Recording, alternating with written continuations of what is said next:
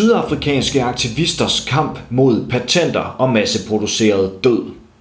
Under covid-19-pandemien har initiativer som Ingen Profit på Pandemi kæmpet for at lempe patenter på vacciner. Patenter opretholdes af blandt andre EU og USA, som derved forhindrer, at lande i det globale syd kan vaccinere deres befolkninger. Men kampen for at lempe patenter på medicin og vacciner er ikke noget nyt. Den startede i Sydafrika for omkring 30 år siden, fortæller kenyaneren Eric Otieno Zumba, der forsker en Ph.D. i postkoloniale patentlove på Kassel Universitet i Tyskland. Otieno peger på sydafrikanske aktivisters kamp for retten til HIV-medicin og forklarer, at det er denne kamp, som har sat rammen for at lempe patent på covid-19-vacciner internationalt. Det er på tide, at EU, USA og resten af Vesten lytter til aktivisterne, mener han. At Vesten opretholder patent på vacciner under en pandemi er en politisk beslutning om at masseproducere død.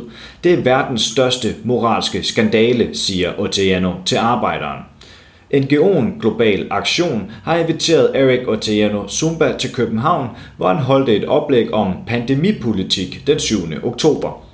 Otieno bygger sin forskning på nekropolitik, et begreb opfundet af den kamerunske filosof Akil Mbembe.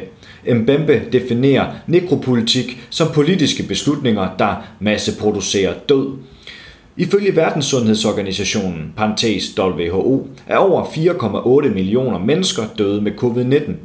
I den forbindelse kritiserer Otieno, at vestlige lande stiller sig i vejen for at lempe patent på vacciner. Han peger på omkring 100 lande i det globale syd, hvor under 10% er blevet vaccineret.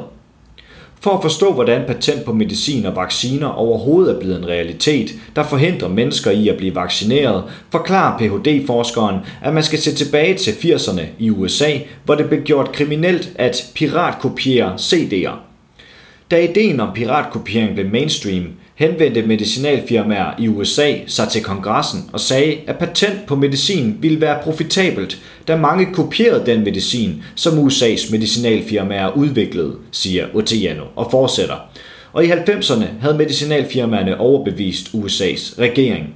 Så da verdenshandelsorganisationen WTO blev oprettet i 1995, ville USA kun melde sig ind, hvis patent blev en del af aftalen.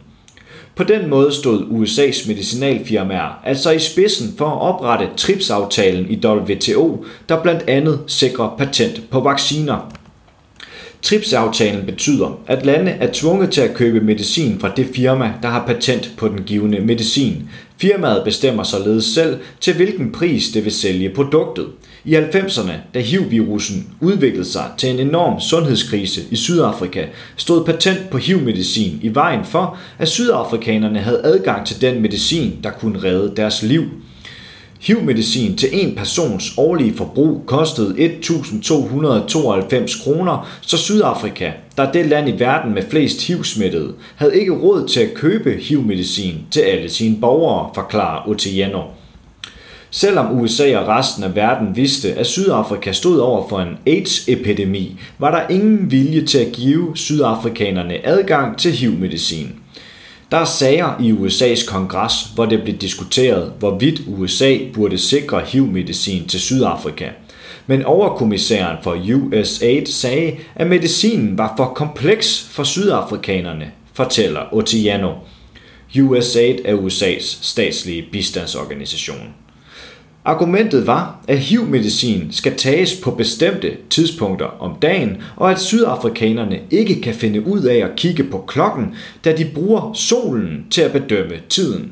Det er ikke kun racistisk, det er nekropolitisk, fordi det masseproducerer død, tilføjer han.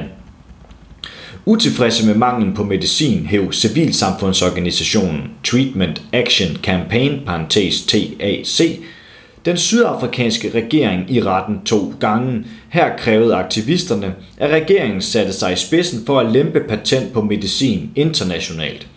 Det var efter disse retssager, at Sydafrika indgik et samarbejde med Indien og Brasilien, der sammen henvendte sig til WTO med krav om at lempe patent på medicinske produkter, så lande i det globale syd ville være i stand til at bekæmpe sundhedskriser, oplyser Oteano.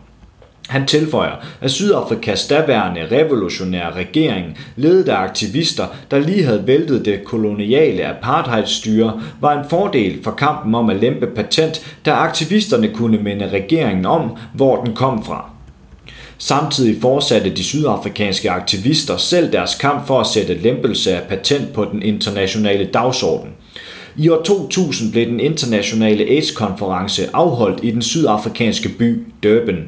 Her fyldte aktivisterne et helt stadion for at kræve, at patent blev lempet, så HIV-smittede kunne få adgang til medicin, fortæller Otieno og fortsætter.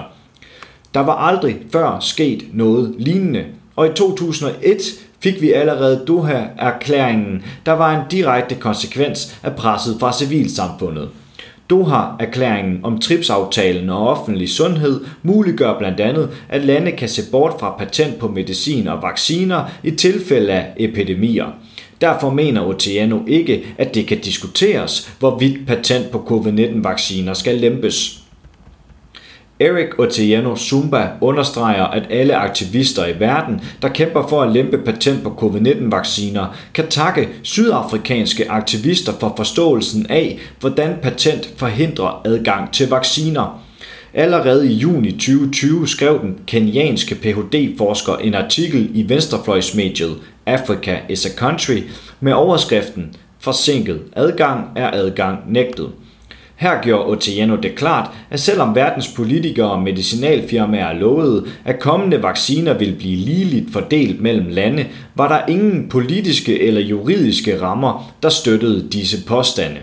Han påpeger, at den måde, hvorpå patenter forsinker adgangen til vacciner, betyder, at mange mennesker aldrig når at få adgang til en vaccine, før de dør af covid-19.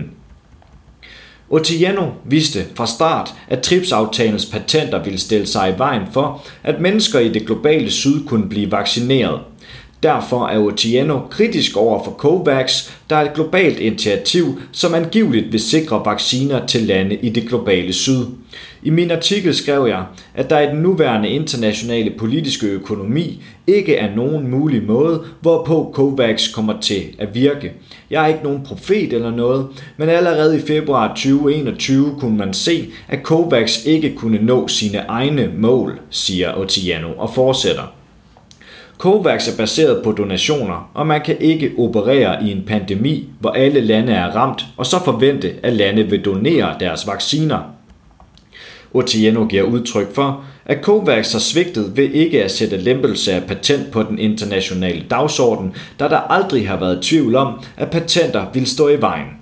Den kenyanske Ph.D.-forsker mener derfor, at aktivister i Vesten bør tilslutte sig kampen om at lempe patent ved at forstærke det globale syds indsatser og kampe, der blev startet længe før covid-19. Du har lyttet til en artikel fra Arbejderen. Abonner på vores podcast på iTunes, eller hvor du ellers hører din podcast. Du kan også klikke ind på arbejderen.dk for meget mere journalistisk indhold.